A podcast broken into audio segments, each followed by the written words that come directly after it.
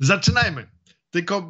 Dzień dobry, witam Państwa wraz z Wysławem. To jest nasze kolejne podejście do programu o Sandmanie. Chyba Władca Snów podgląda to, co robimy, o czym mówimy i w jaki sposób myślimy i nam po prostu tak, raz nas wyłączył, także poszliśmy spać. 172 e, osoby z naszej widowni widziały tą sytuację, kiedy Sandman po prostu dopadł nas, no i polegliśmy. E, drugiego dnia już na spokojnie, sprzęt zawiódł, sprzęt po prostu, mimo że świeciły się wszystkie lampy w trzech kamerach. Okazało się, że materiał po prostu na jeden się w ogóle nie nagrał, na drugiej się poszatkował, a na trzeciej w ogóle po prostu szkoda gadać. Także Sandmanie, błagamy Cię tym razem, dopuść nas do głosu, bo e, jest o czym gadać, prawda? Oczywiście, jak najbardziej. Witam wszystkich bardzo serdecznie. Dziękuję za zaproszenie do trzech razy sztuka. Odwiedziłem bia mały biały domek, świetnie się bawiliśmy, nagraliśmy dwukrotnie materiał. Teraz. E, Trzykrotnie, znaczy, bo pierwszy no, raz nagrywaliśmy, kiedy nie wiedzieliśmy, że się nagrywa, się jednak nagrywało. Tamten materiał nagrał się cały, ten pierwszy, tylko że no tam Sandman za szybko przyszedł do nas, drugi już był, kiedy już był między nami, a e, dobra, nie wracajmy do tego, bo ci, którzy widzieli, to to wiedzą o co chodzi, niech, niech a my nie będziemy teraz reklamowali. Liczymy łzy w deszczu, trochę już zniknie. No trochę tak, tego deszczu brakowało. Sandman, komiks, teraz serial, bo w sumie od kilku tygodni rozmawiałem z Rysławem o tym serialu i o komiksach jako takich, bo serial jest e, wynikiem komiksu. Kiedy w zeszłym tygodniu była trzecia próba podejścia do naszego programu, wyszły dwie krótkometrażówki w ramach serialu e, Sandman. E, jedna z nich to Sen, Sen Tysiąca Kotów, tak? Sen Tysiąca Kotów, a druga to Calliope. Tak, i to w, można sobie pojedynczo zobaczyć. Tam są jeszcze dwa odcinki, piąty i szósty, albo szósty i siódmy, z tego co pamiętam, które w samym serialu można sobie zobaczyć oddzielnie, bo stanowią szósty, takie pojedyncze. szósty jest takim odcinkiem łączącym tak naprawdę dwa sezony, bo ten pierwszy sezon Sandmana to tak naprawdę są dwie linie fabularne oparte na dwóch tomach przygód Sandmana wydawanych pod koniec lat 80.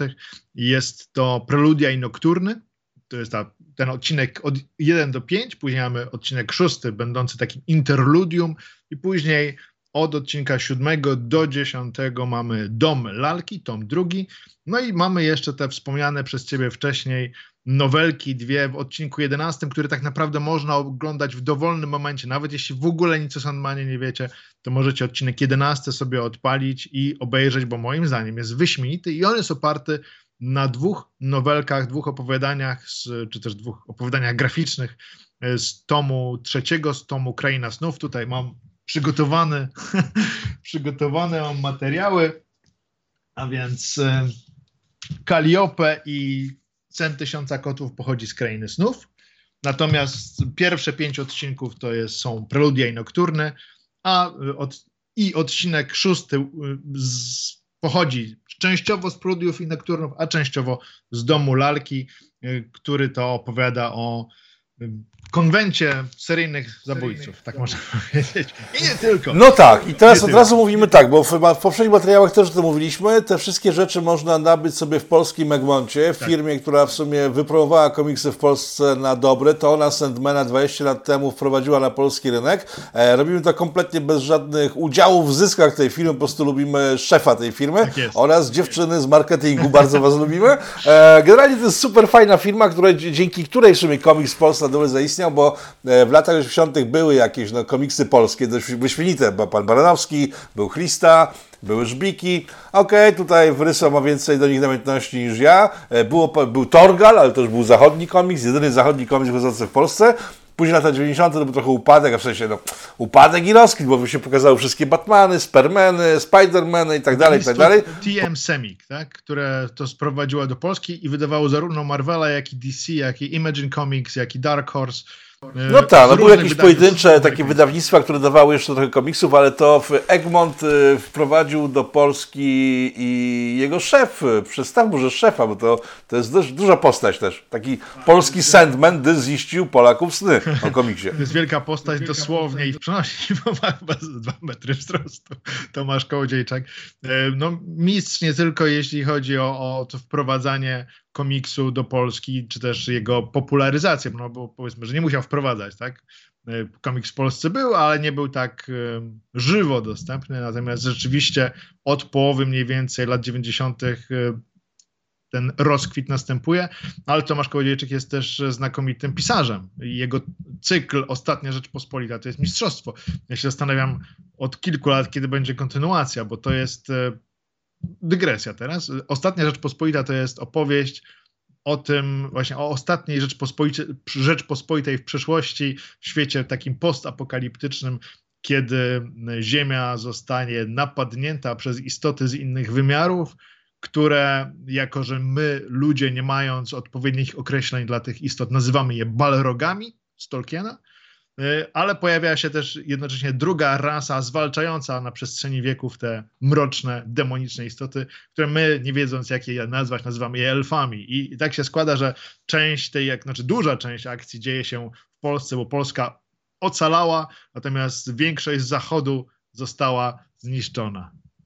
Rysław ma jakąś taką, bo ja rozmawiamy od, od przecież od dawien dawna, Rysław ma taką wizję lat 90., że już komiksy w Polsce były. No nie było, bo e, komiksy w Polsce kojarzyły się głównie ludziom z czymś niepoważnym, dla dzieci, dla ludzi troszeczkę niedorozwiniętych i to Tomek, to tak było po prostu, ja to pamiętam doskonale, bo jak ja pojawił się pamiętam, Egmont... Jesteśmy w tym samym wieku, proszę pana.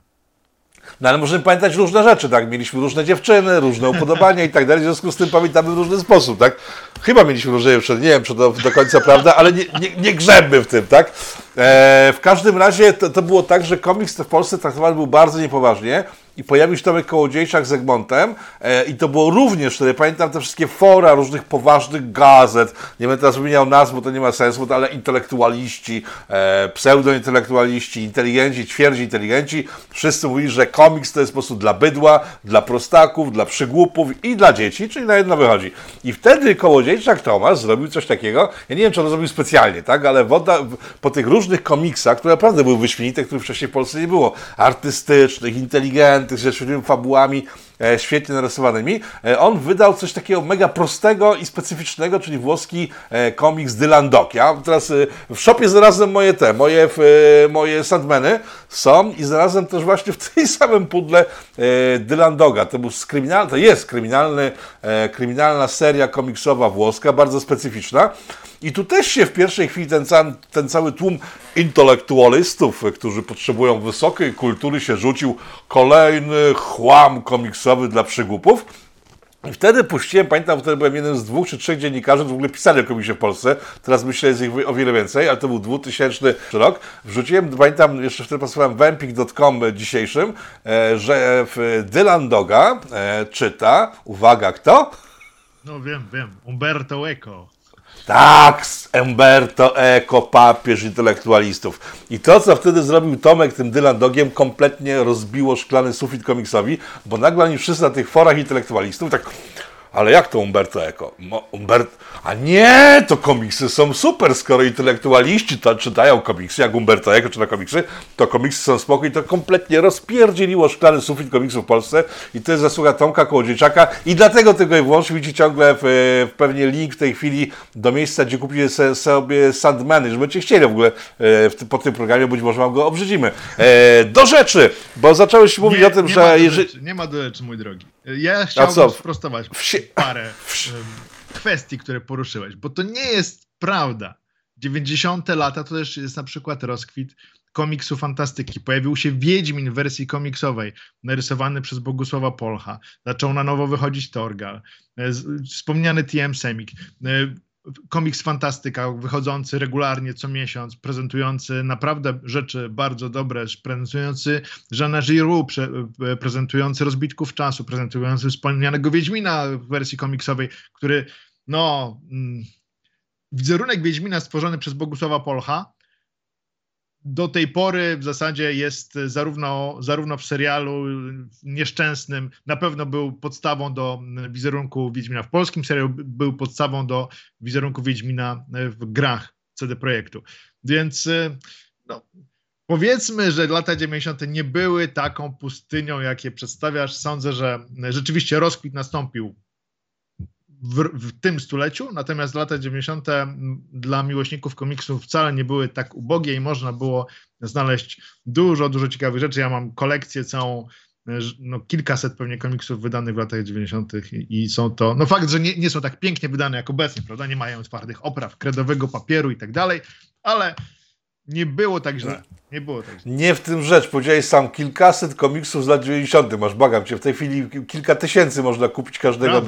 dnia. Wtedy tak, e, komiks fantastyka, trzeba było iść do kiosku, jest, już nie ma. Okej, no to nie ma, no to po prostu tego sobie nie kupię. E, Torgale to było coś, co wcześniej już wychodziło, to było tylko wznowienia. E, TM Semik to zrobił genialną robotę, bo on kompletnie wbił na nasz rynek komiksy amerykańskie i można było zobaczyć, że Batman to nie jest przygód w pelerynie, tylko to jest po prostu głęboka, mroczna historia osadzona, nie wiem, w, w, w wolnomularstwie, e, nawet w satanizmie często, ale po prostu taka prawdziwa i głęboka, barokowa historia. Także ja nie umniejszam nic, tylko że to, co było w latach 90., to wtedy po latach 80. nam dzieciakoś mogło wydawać, wow, jaka to jest rewolucja. To jest tak, wiesz, po Atari 65 przyszły pecety, wow, jaka rewolucja.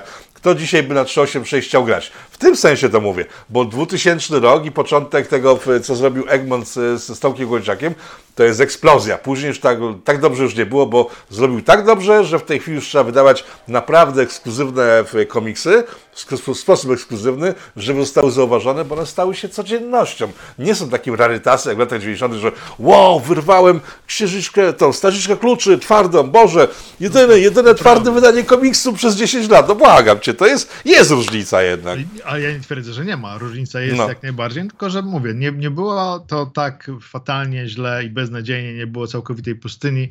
Już pojawiały się łąki i stepy, a teraz mamy taką gęstą dżunglę, bo codziennie wychodzi po kilkadziesiąt komiksów. Tak naprawdę w ciągu roku to jest chyba kilkaset rzeczywiście y, i i jest bogactwo absolutne i, i czasami jak ktoś chce wejść po raz pierwszy w ten świat, zastanawia się od czego zacząć. I tutaj akurat może pomóc serial, e, który wypuścił, net, znaczy Net- Netflix dystrybuuje, natomiast stworzył go Warner e, przy mocnym udziale twórcy postaci Sandmana, czyli Nila Gaimana, e, serial Sandman, który moim zdaniem, od razu już nie będę tutaj trzymał w niepewności, zresztą jak ktoś ogląda moje media społecznościowe, to wie, że ten serial bardzo mi przypadł do gustu, bardzo mi się podoba. Mam sporo zastrzeżeń, ale ogólny taki wizerunek, jaki, jaki mam w głowie, to jest bardzo pozytywna, bardzo pozytywne zaskoczenie, bo bałem się, że to będzie jak z Netflixa, no to wiadomo. Przekaz aktualny, progresywny będzie ważniejszy niż sama treść komiksu, a okazało się, że nie. Choć i tak wiele osób zarzuca temu serialowi właśnie Netflix, Netflixyzację, tak bym to określił, czyli właśnie e, przesyt pewnymi treściami, z tym, że tutaj trzeba zauważyć, że te treści e, obecnie nazywane genderowymi, znaczy dla mnie to jest brzydkie słowo, znaczy nieodpowiednie słowo, ale powiedzmy takim e, pewnej swobody e, doboru mm, zarówno płci, jak i partnerów. Te, te, te rzeczy były do, w komiksie w latach 80., pod koniec lat 80. I one wtedy mogły budzić mm, pewne, nie wiem, za- zaskoczenie, pewne niedowierzanie, pewne wzburzenie u niektórych. Natomiast to nie jest tak, że zostały stworzone na potrzeby tego serialu. On to, to wszystko, praktycznie wszystko, co jest w serialu, z małymi wyjątkami, o których pewnie po, powiemy, było w komiksie na przełomie lat 80. i 90. I to wtedy nie było żadnym szokiem dla nikogo, tylko było smakiem całości, bo to były pokazywane różnego rodzaju perwersje, różnego rodzaju e, znaczy, rzeczy, które są mroczne, tak? I w związku z tym one się, one mogły zastanowić, jak się, ja, ja akurat poznawałem Sandmana podczas- 20 lat temu, kiedy rozpoczynał się Nowy Wiek, kiedy do ręki, prostu to było, to było tak, no, postacie różnorakie, waginosceptyczne, w- szatańskie, bo tam są też takie postacie. Generalnie to, to, był smak y, dodawany do całości, bo on pokazywał faktycznie, jak te postacie funkcjonują, tak? Wtedy to było ciekawe dla mnie. W tej chwili może, w, znaczy w tej chwili e, przesyt e, i sztuczne wpychanie tego typu sytuacji wszędzie powodują, że nawet ludzie w tym Sandmanie uważają, że ej, znowu i są znudzeni po prostu, bo non-stop dostają coś, co jest fajne. Bo te wszystkie rzeczy, takie odmienne, są fajne. Tylko jak są e, fajne rzeczy się rzadko zdarzają, tak? To jak w życiu, tak? E, Jak sobie spojrzycie swoje życie, to fajne rzeczy na ogół zdarzają się rzadko. W związku z tym są pociągające. I w tych, e, w tych st- st- starych, zamierzchłych czasach, kiedy wychodził Kaznodzieja, kiedy właśnie pojawił się Sandman i tak dalej, i tak dalej, to to były smaczne, to powodowały takie zastanowienia. W tej chwili, kiedy to jest wszędzie, to jest nudne, bo to nie ma w tym nic zazwyczajnego. E, to jest moje zdanie. Inne moje zdanie, z którym się Rysławie muszę z Tobą podzielić, bo z tym się z Tobą nie podzieliłem zeszłym razem, bo to jest całkiem nowa, znaczy troszeczkę o tym mówiłem. To jest bardzo chrześcijańska pozycja. Sandman w całości dla mnie jest bardzo chrześcijański. E, serial także jest bardzo chrześcijański, bo on jest osadzony w kulturze chrześcijańskiej, w, jednym, w jednej z części tej kultury. Pokazuje dorobione pewne elementy do całości, ale to ciągle jest nasz normalny świat, gdzie dobro jest dobrem, zło jest złem, e, silne postacie no niestety to są głównie mężczyźni, aczkolwiek kobiece silne postacie to są, no, to są silne kobiety, czyli są tak silni mężczyźni, silne kobiety, to są postacie, które po prostu górują nad resztą, ale są też słabe kobiety, słabi mężczyźni i to nie ma czegoś takiego sztucznego, że e, postać, która ewidentnie wynika z jej psychologii, no nie nadaje się do niczego, ale jest na przykład czarną kobietą, w związku z tym jest budowana z niej hiper... Tego tam nie ma. W związku z tym ja się kompletnie nie czepiam całego tego serialu, komiksu też zresztą nie. Te małe perwersje, o których e, mówił Rysław, tak, jest, im, jest ich tam całkiem sporo, tak, ale jak ktoś pamięta na przykład e, Konstantina, tak, przecież tam Konstantin przecież ociekał perwersją tak naprawdę i ocieka do dziś. Jak ktoś, e, jak ktoś może obejrzeć, pamięta film, albo może sobie przypomnieć. To jest właśnie Hellblazer, czyli Konstantin, w jednym z wydań. No dokładnie, także te wszystkie rzeczy są perwersyjne. Pamiętacie Kaznodziei? Gdzie jest na Kaznodziei? E, jak nie możecie dostać komiksów w tej chwili, jeden e, chyba na Prime jest, na Prime jest Kaznodzieja.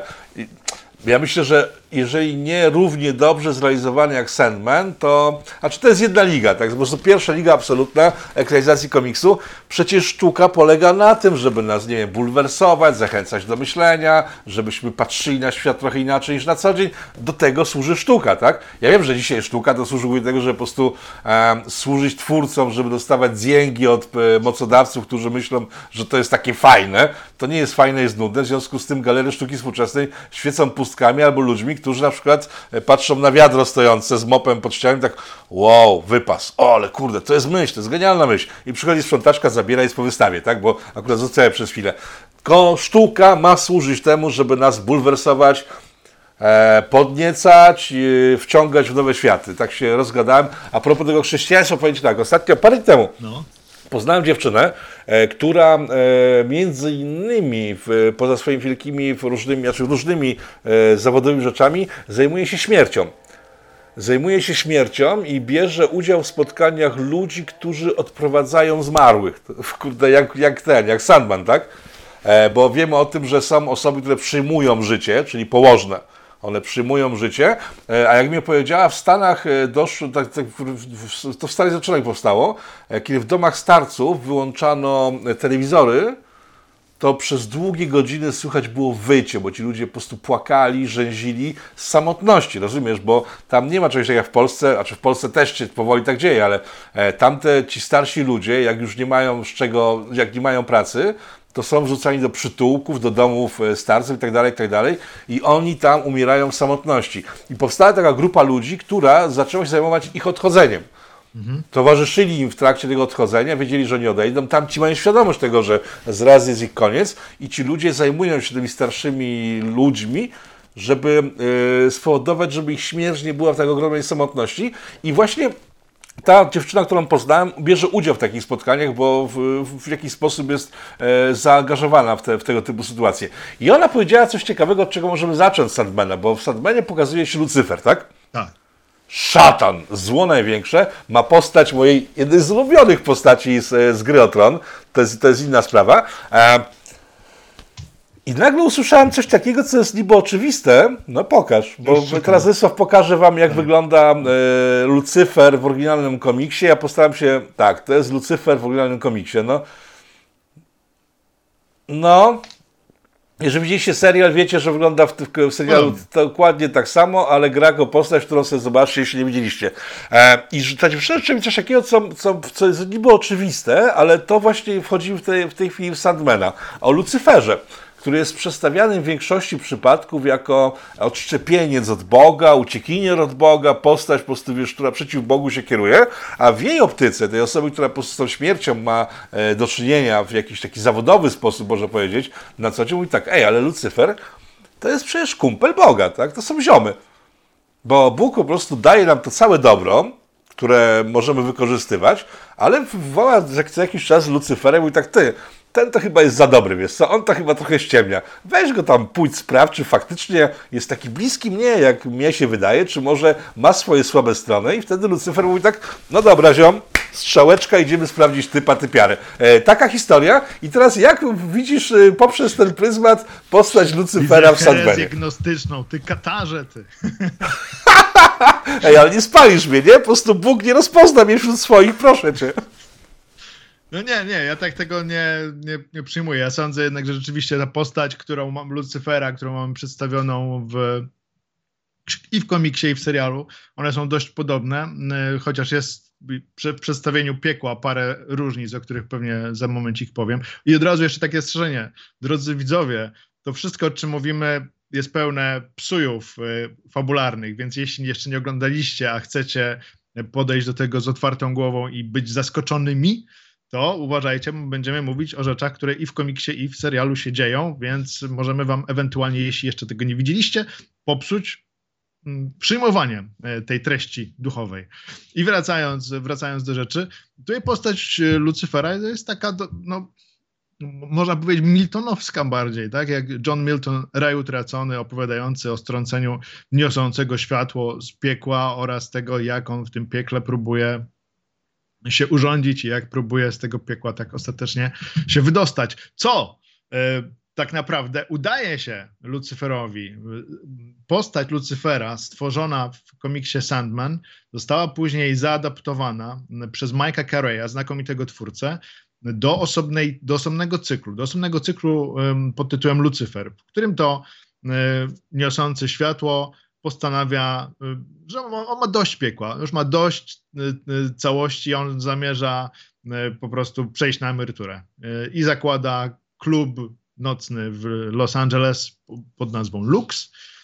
I w tymże klubie sobie to gra na pianinie. Wygląda w komiksie jak David Bowie, został na podstawie komiksu zrobiony moim zdaniem zły serial pod tym samym tytułem, bo zrobiono z postaci Lucyfera po prostu bawidamka i playboya zatracając całą głębię tej postaci, zrobiono takiego produkcyjniaka e, detektywistycznego, takie CSI z Lucyferem w roli głównej, który ma do, do pomocy chorzą policjantkę. No, nie ma to nic wspólnego z komiksem, ale wiem, że film ten, czy też serial ten cieszy się dużym powodzeniem, jako że aktor występujący, pan Tom Ellis, jest bardzo atrakcyjny i w związku z tym ma piękny głos, śpiewa, tańczy, stepuje. I w związku z tym no, serial ten jest dość, dość popularny. Natomiast jeśli ktoś chciałby na podstawie serialu Lucifer wyciągnąć wnioski na, odnośnie komiksu Lucifer, to nie. To zupełnie, zupełnie inne dzieła. I w, wracając do Sandmana, tutaj y, ten niosący światło Lucyfer jest no rzeczywiście tak jak dość podobny do tego, jak, jak opisywany jest w świętych pismach. Natomiast w komiksie y, piekło wygląda inaczej. W piekle y, jest triumvirat. Lucyfer sobie nie radzi sam z zastępami demonów i nawiązuje, no i chcąc uniknąć tego wbijania noży w plecy przez pozostałe demoniczne istoty, nawiązu, zawiązuje triumvirat. Nie wiem, czy to jest taki, takie mrugnięcie okiem do starożytnego Rzymu, gdzie też mieliśmy triumvirat, ale wszystko na to wskazuje. Natomiast w serialu nie, to tutaj Lucyfer rządzi niepodzielnie, ma całe stada demonów do pomocy i moim zdaniem, o ile wizualnie e, Gwendolyn Christie pasuje do wizerunku, który w komiksie, to, to jest to postać zagrana dość, dość płasko. Nie wiem, czy to wynika z tego, że, że takie, takie ma dialogi, czy po prostu pani Gwendolyn mm, nie udźwignęła ciężaru, jakby nie było tej postaci, ale mo, moim zdaniem mogłoby to być zrobione lepiej, e, zwłaszcza, że i jeszcze jest taka scena pojedynku, scena pojedynku na wyobrażenia. Na, to, jest, to jest też ciekawy koncept. Zastanawiałem się, jak zostanie on przedstawiony w serialu, bo w komiksie można zrobić wszystko pod względem wizualnym. I tutaj dochodzi do. W ogóle Sandman przybywa do piekła, aby odzyskać jeden ze swoich artefaktów, który został mu odebrany. Kiedy Sandman został uwięziony, to wszystko to jest w pierwszym odcinku, bardzo dobrym zresztą. I w tym momencie w komiksie następuje pojedynek pomiędzy tym demonem, który mu zabrał, czy też skorzystał z nieobecności Sandmana i zabrał ten artefakt, a w serialu mamy pojedynek z, z Lucyferem. Chyba właśnie, żeby tę postać po, pogłębić, bo nie wiadomo, czy ona jeszcze wróci. W komiksie wraca wielokrotnie, a w serialu zobaczymy, jak się, jak się przyjmie i czy, czy, będzie, czy będą kolejne sezony, ale chyba wszystko wskazuje na to, że tak. I wydaje mi się, że. Dorzucę, że, dorzucę, że Lucyfer jest grany przez postać, która jest ciepłą, wielką kluchą, cieplutką dziewczyną, która strasznie po prostu chce być groźna dla tego naszego Sandmana i to trochę wygląda komicznie. Tak naprawdę zgadzam się, że no, Lucyfer, no jest specyficzny, tak? No, po prostu no, ciepła kluska grożąca pierunami komuś, no tak, ej, zaraz ci zrobię krzywdę. I tu jest to, to, jest to co mówi, o czym mówi Rysa, pojedynek na wrażenia, czyli, nie wiem, rzucam na ciebie ogień, a ja cię roszę deszczem pff, i tak dalej, i tak dalej. To sobie zobaczycie, to są spoilery z mojej strony, nie przerywam. E, no ale w ogóle trzeba by zacząć od tego, jak to się wszystko zaczyna. Bo, bo kim, kim jest e, nasz Sandman, Morfeusz, Oneiros? Co to za postać? No jest władcą snów, który, kiedy zamykamy oczy i wchodzimy w stan snu, on, y, wchodzimy w jego świat. Tak? Jest tak. wiele osób, które znam osobiście, które twierdzą, że w sumie budzimy się tylko po to, żeby nakarmić organizm, żeby później usnąć i wrócić do świata, w którym żyją naprawdę. Tak? To jest koncepcja z y, no, Nolanowa, tak? z Incepcji. Y, I mamy okay. tą scenę w Incepcji, taką dość mroczną dla niektórych lub piękną dla innych, gdzie wchodzimy do takiej sypialni, gdzie osoby podpięte pod chyba pod opium w zasadzie cały czas e, śpią, budzą się tylko, żeby coś zjeść i śpią dalej, by kontynuować śnienie i uważają śnienie za, za realny byt.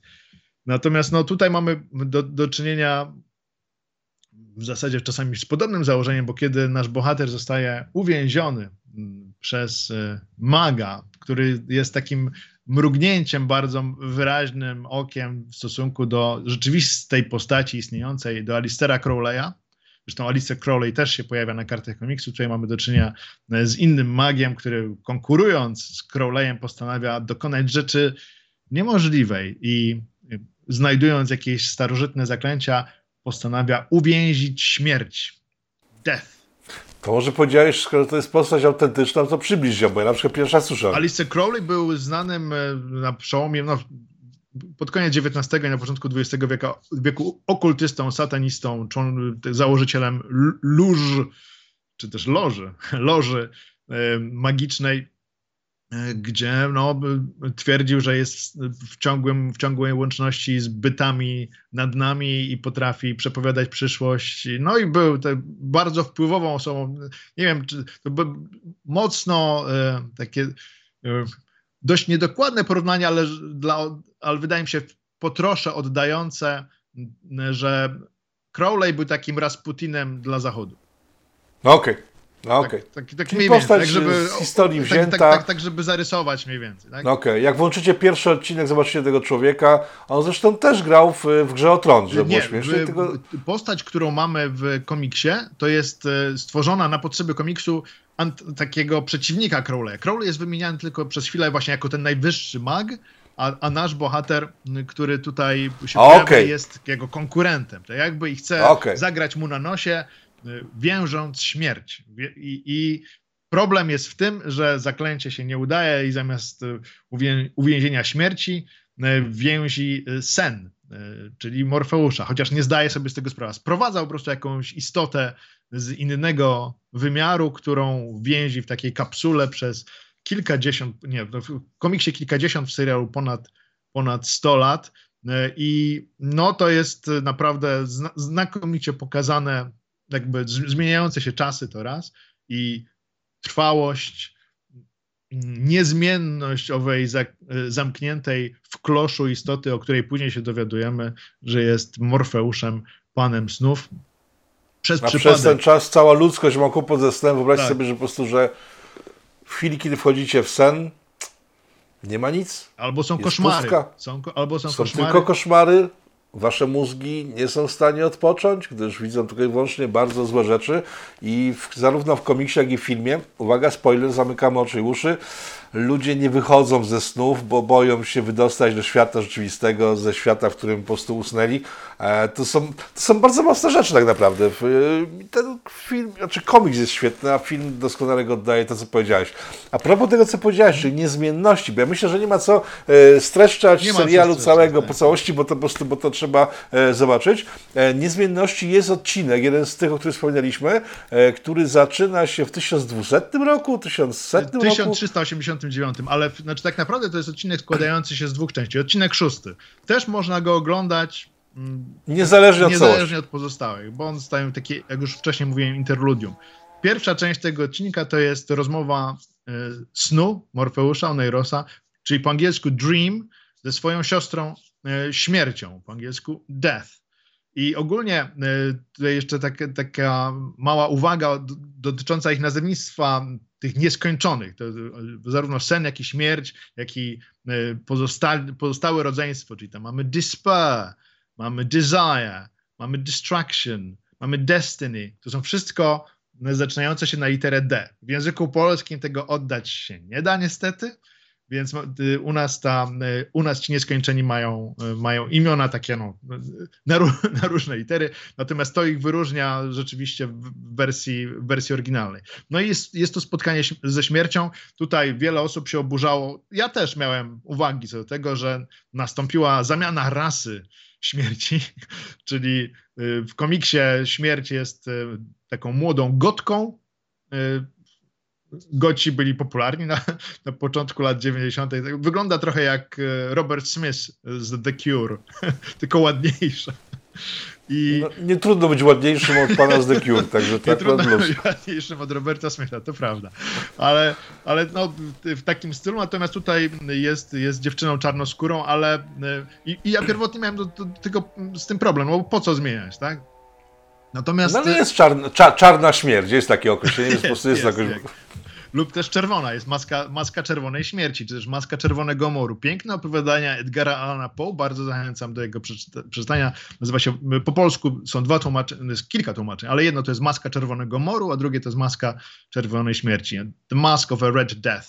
E, w każdym no tak, ale skupiłeś się na pierwszej części tego odcinka, czyli ale... na spotkaniu ze śmiercią. I ta śmierć faktycznie, znaczy nie sama postać śmierci, bo wiem, że jest czarna śmierć, jest e, Sandman, ale. E, poka... chodzi o tę niezmienność w drugiej części. Nie, nie, wiesz co, tak kończąc kwestię śmierci. Ja nie wiem, czy ja widziałem w jakimkolwiek filmie tak upięknie i oczywiście podaną śmierć jest tych cudowny, postaci, które tam. Jest absolutnie jest jak świetnie odchodzą, zagrana. To musicie zobaczyć, jak, jak ci ludzie w tym filmie odchodzą, bo to faktycznie ci ludzie. E, przychodzi po nich śmierć. No, na ogół kojarzy nam się z Monty Pythonem, czyli po prostu śmierć stuka e, do chałupki, w której siedzą, siedzą jacyś goście, a oni mówią tak, ale nam się nie chce umierać, a, a śmierć mówi tak, wy Anglicy jesteście tacy urwa pompatyczni, to jest teraz z Monty Python, z tym mnie się śmierć kojarzy, z tym taką z kostuchą, a ta śmierć jest piękna i przychodzi i jeżeli ktoś to widział, to wie o czym mowa, a jeżeli nie, to koniecznie, bo to jest najbardziej tak e, obrazowo i łaskawie przedstawiona śmierć w kinie, jaką pamiętam. No to to tyle, to tak, to na jest pewno. Bardzo, Ale ta... bardzo dobrze zagrana, jest ciepła, taka wybaczająca, akceptująca i jednocześnie to jest chyba najbliżej odcinek komiksu, bo dosłownie jest fraza, dymek, z, znaczy każda fraza wypowiadana przez aktorów to jest dymek z komiksu, a w zasadzie bez żadnych zmian. E, to pokazuje też, jak świetnie było to napisane te 30 ponad lat temu. I, no bo Gaiman jest świetnym scenarzystą, jest świetny, świetny książki. Jest doskonałym scenarzystą. Ale wróćmy do tego 1200, którego 1389. 1300, okej, okay. to doskonale możesz powiedzieć do Danii, ja mam kłopoty z imionami, ale okej, okay, to każdy ma swoje skille. E, I ona się zaczyna, ta druga część, e, w jakiejś knajpie, w, w karczmie, tak. tym 300 którymś tam roku, e, kiedy jakiś facet przy, popisuje się przed kumplami, tak śmierć, Śmierć mnie nie dotyczy, bo to wy chcecie umierać, w związku z tym sobie umrzecie, a nie chcę umrzeć, w związku z tym nie umrę. A przy stoliku obok Sandman siedzi ze śmiercią, co się zapopijają, to jest w ogóle niezłe. No i No i śmiesz tak stwierdza, no to challenge chłopaku, zobaczymy, czy ci się, czy ci będzie chciał wiecznie żyć i, stwierd- i po prostu daje chłopu, chłopu e, wieczne życie. I to, co się później dzieje, znaczy, jak ktoś tego nie widział, to koniecznie zobaczcie, koniecznie. bo tam są te wszystkie rzeczy, które nam się kojarzą e, z odchodzeniem, że nie, ch nie chcielibyśmy przecież e, zostawiać naszych dzieci, naszych najbliższych e, w, z tyłu, żeby oni poumierali, jesteśmy samotni, bo e, brak śmierci oznacza ogromną samotność. Tak? Jeżeli ta śmierć, ten brak śmierci e, dotyczy tylko i wyłącznie nas. Także e, to, co się później dzieje, kiedy ty mówisz o ciągłości, tak?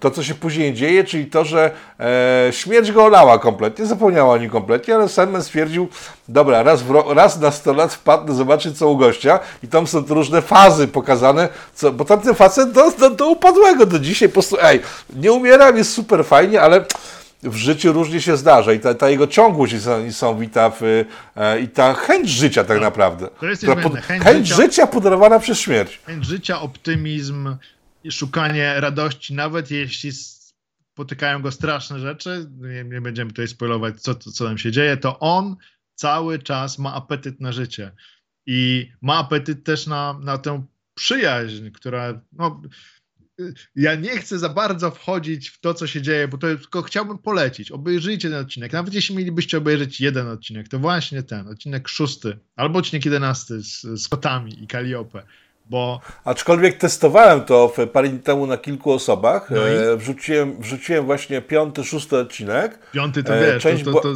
doprowadziłeś do traumy.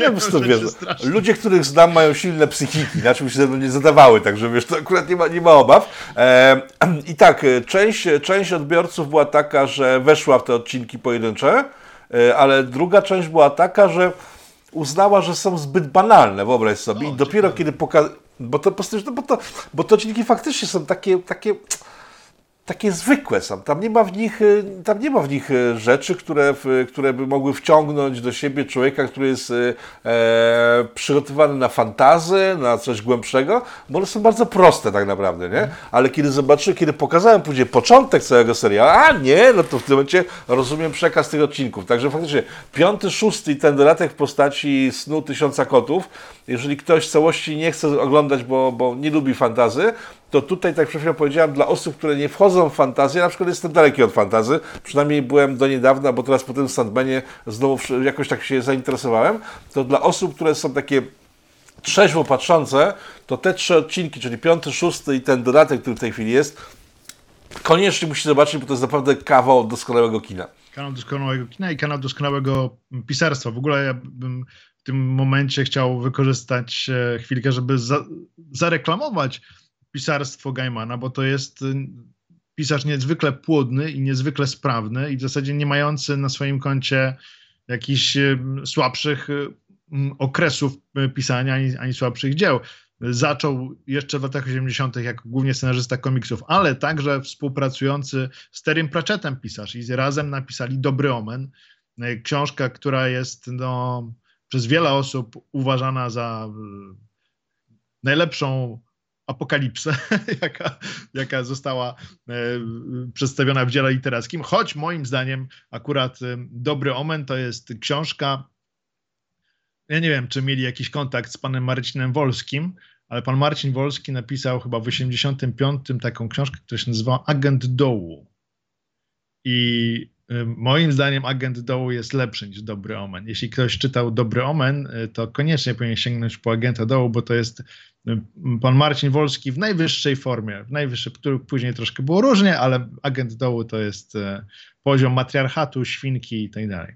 Ale wracając... Dobra, ale to jest, jest w ogóle element, bo to Marcin Wolski, jak też nie wie, w tej chwili jest szefem TVP2 a, jak... I to jest tak, że wchodzimy trochę, to nie wchodzimy w politykę, tylko wiesz, w, w, w socjologię myślę. E, w tej ekipie rządzącej, która teraz jest, jest cała masa ludzi, którzy w młodości mieli styczność z, ze swoją intelektualną częścią mózgu i fajnie ją wykorzystywali, tak? E, później gdzieś to pogubili z czasem i zostali politykami. No, przykro im bardzo, to, to jest ich wybór, ale jak się spojrzy na tam część, część właśnie taką intelektualną, e, Dziś już nie, wtedy to na przykład Wolski jest mistrzem, tak? Pan Marcin Mamy Wolski dużo... jest niezwykle sprawnym pisarzem, niezwykle. Był, Stworzył był. mnóstwo fantastycznych rzeczy, mnóstwo. No a co tego, co się teraz dzieje, to nie oceniam, bo nie oglądam, więc nawet. Ja też nie, także tego tak, tak wrzucam, bo tam byli ludzie, którzy wchodzili właśnie w stany snu. To jest obecny chyba ten marszałek Sejmu, pan Terlecki, który miał duże fazy snu. E, Kuchciński też wchodził w... Jest taka anegdota a propos Terleckiego i Kuchcińskiego, którą mało kto zna, że oni kiedyś pojechali gdzieś w Tatry albo w jakieś góry generalnie e, i się mocno zrobili makiem i rano obudzili się, to słyszałem ludzi, którzy po prostu ich wtedy znali, e, bo Terlecki wtedy z korą się obracał, w tym takim świadku artystycznym i budzą się rano dzisiejsi dwaj wielcy, a czy wielcy, wielcy nie są, ale znani, tacy z, ze swojej groźności poglądów, e, politycy, wtedy młode chłopaki i budzą się rano i patrzą, a wokół nich śmigają krasnale, nie? I tak, i tak myślał, i tak jeden z, nich powiedział, tak kurde, ej, po prostu już nie jest dobrze, bo wybudziliśmy się z tego naszego amoku makowego, a tutaj widzimy krasnale, co tu się odtąd tego wuje, nie? I się okazało, że faktycznie to były krasnale, gdyż nieopodal w nocy, kiedy oni tam po prostu po, po, po tych krzakach buszowali, rozbił się cyrk obwoźny i to były karły z tego cyrku, które przyszły patrzeć na tych ludzi, którzy dzisiaj w krzakach leżą nieprzytomni, także ten świat e, magii, ten świat snu i rzeczywistości może każdego z Was napotkać spotkać. Oczywiście nie życzę Wam, żebyście później zostali marszałkami Sejmu, ale w każdym takim są okresy życia, kiedy można to przeżyć na żywo. No, piękna anegdota. Myślałem, że, to, że pojawią się krasnale z pomarańczowej alternatywy, ale, ale... Nie, to były lata 70., wtedy pomarańczowa alternatywa dopiero wiesz, się miała rozwinąć tak. za kilka lat, także to nie ta historia. A wróćmy do serialu. Wróćmy do serialu. My się tak, tak rozpływamy w zasadzie, bo oba, o, obu nam się ten, ten serial bardzo podoba, ale to nie znaczy, że jest to dzieło bezbłędne i, i, i nie mające swoich wad. Moim zdaniem tych wad trochę jest. I, I przede wszystkim wiąże się to z niewłaściwą, moim zdaniem, oczywiście, no, obsadą w niektórych rolach, a szczególnie w roli postaci, o której już wspomnieliśmy. E, Johna Constantine, e, bohater komiksu Hellblazer tutaj w oryginale John Constantine jest takim już bardzo e, smutnym, zdesperowanym, e, żyjącym na granicy egzorcystą, e, cały czas chodzącym w wytartym prochowcu, palący, pijący i ogólnie mający problemy psychiczne i problemy z sobą i problemy z całym światem. Z przyczyn licencyjnych postaci Johna Constantina nie można było użyć, mimo że jest w komiksie, to postać ta stworzona przez Alana Mura między innymi obecnie, nie wiem czy wiecie, ale znajduje się we władaniu, z tego co słyszałem, Jar Jar Binksa, czyli tak naprawdę pana Abramsa, J.J. Abrams. Jar Jar Abrams, ten od y, Gwiezdnych Wojen ostatnich, y, strasznych i ten od kiedyś dobrego serialu Zagubieni, wytwórnia Bad Robot. On ma. To nie był dobry serial.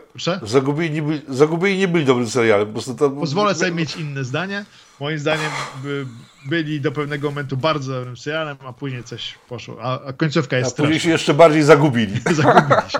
Ale, ale pan J.J. Y, Abrams ponoć ma teraz prawa do postaci tej i chyba nie, albo nie chciał użyczyć, albo żądał zbyt wiele, więc wykorzystano postać stworzoną przez Nila Gaimana która miała zastąpić Johna Constantina, czy Konstantina, jak to jest wymawiane w filmie, i wykorzystano postać Johanny Constantine, stworzonej na potrzeby już wspomnianego odcinka szóstego, czyli przod, przodkini, przodki, przodowniczki, czyli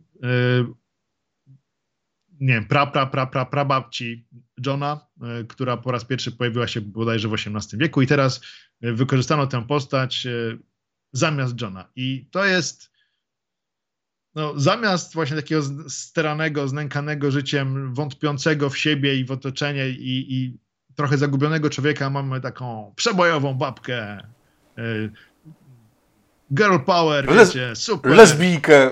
Tak, y, ona, ona chyba, tak, y, lesbijkę, w ogóle, no, nie mającą w ogóle żadnych problemów, pouczającą Morfeusza, tak, taka Karyna, najgorszego sortu Karyna, po prostu okropna postać. I nie wiem, mam nadzieję, że już się więcej nie pojawi w tym serialu, ale, ale jest zagrana słabo, jest źle napisana i no i to jest dla mnie, jeśli chodzi o, o porażki tego serialu, to jest, to jest największy problem. No i jest też jeden problem, o którym już wspominałem, bo, bo miałem okazję o tym serialu rozmawiać, to jest zamiana rasowa pewnej postaci z samego początku serialu, która prowadzi do konsekwencji pod koniec serialu. Chodzi o taką e, postać Unity Kincaid, która jest e, spadkobierczynią wielkiej fortuny i ona na początku XX wieku, kiedy dochodzi do uwięzienia e, Sandmana, w komiksie jest, jest biała. Tak? Zrobili tę dziewczynę czarną w, w, w serialu. Nie wiem, na ile jest to możliwe, że w Wielkiej Brytanii wówczas mm, osoby czarnoskóre mogły dochodzić do gigantycznych majątków.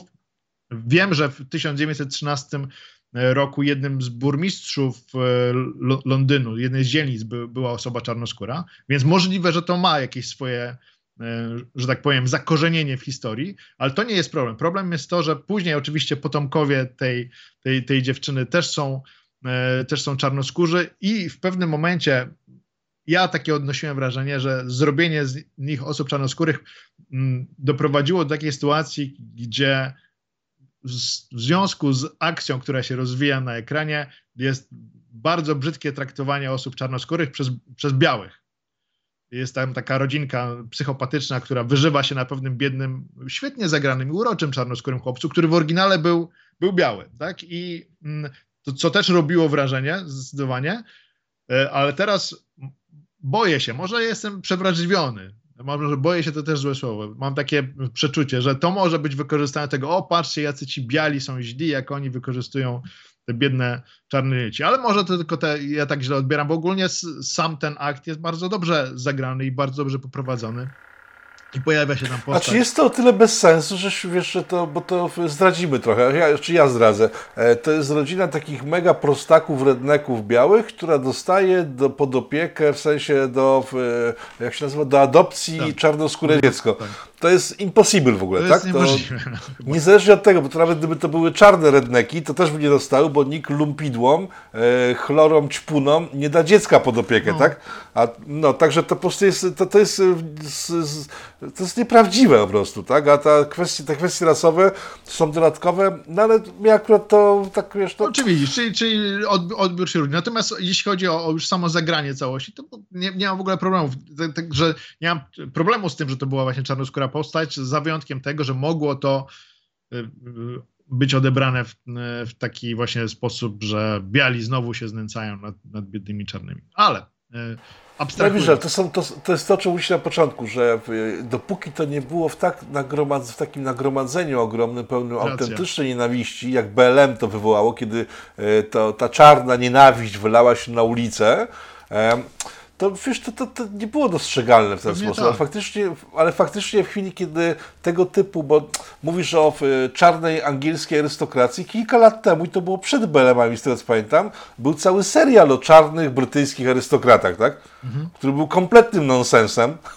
Bo w czasie, kiedy ten serial się dział, w rzeczywistości by się dział, e, to Anglicy owszem z czarnymi mieli świetny kontakt, ale to na zasadzie takiej, że przywozili ich z Afryki, z Liverpoolu wypuszczali milionami do, do Stanów jako niewolników, tak? to, to niemożliwe było. Że... Bridgestone'owie, coś takiego? Ale to mówię, że to, że to w sumie tam też fabuła, wszystko świetne, tylko te czarne postacie są kompletnie z pośladków. No tak? wiesz, ale tak samo tak... teraz zrobiono film o, o Annie Boleyn, e, którą, czyli jednej z żon Henryka VIII e, i ją, ją zagrała też osoba czarnoskóra, więc... Ale to jest moim zdaniem, ja się dziwię, to jest tak jak się dziwiłem, ale to już w tej chwili się dzieje i się już teraz nie dziwię, jak e, zaczęto wpuszczać mężczyzn do sportów kobiecych, w sensie facet stwierdzał rano, o Boże, jedyny czuję się kobietą, i wpuszczano go do zawodów pływackich i tak dalej. Ja się dziwiłem kobietom, że one nie protestują, bo przecież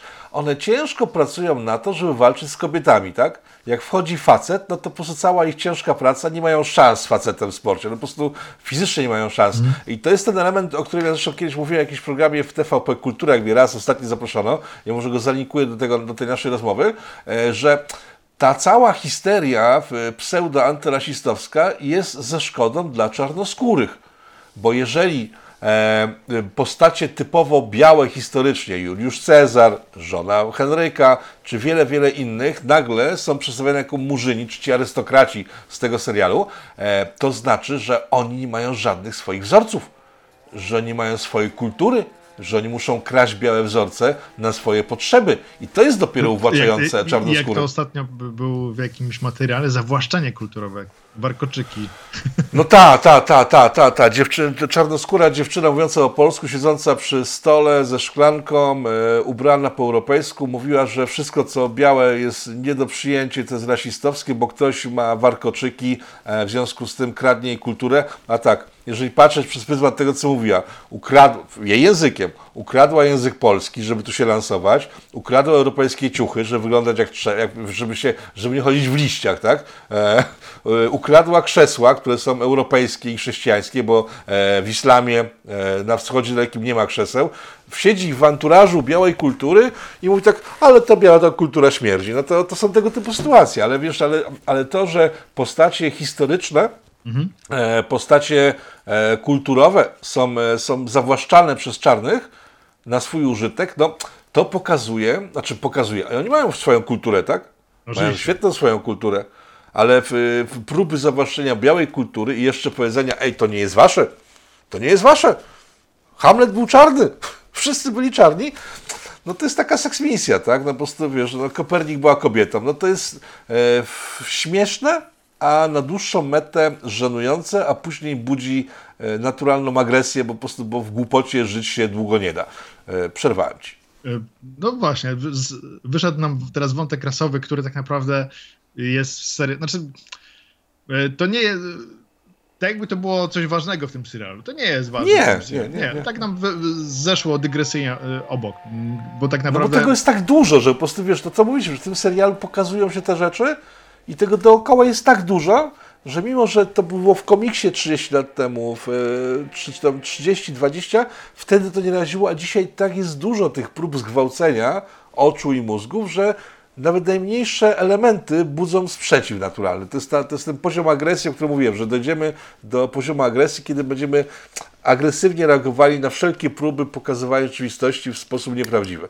I znowu ci przerwałem. Oby nie, oby nie, oby nie doszło do tego. Ja mam nadzieję, że, że, że nie, no. że, że się zatrzymamy w pewnym momencie i zaczniemy wracać. wracać, oby. Um, o czym to ja mówiłem? Mówiłem o, o tych... O Mówiłeś tych... o Gaimanie, bo to, to przerwaliśmy. Gaiman, który jest tak świetnym scenarzystą, pisał świetne książki.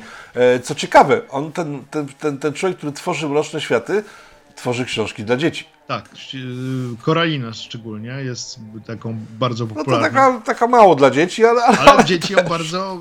Znaczy, ona jest sprzedawana w cudzysłowie jako książka dla dzieci, mroczna. Księga cmentarna, także taka opowieść, powiedzmy, dla, dla młodzieży.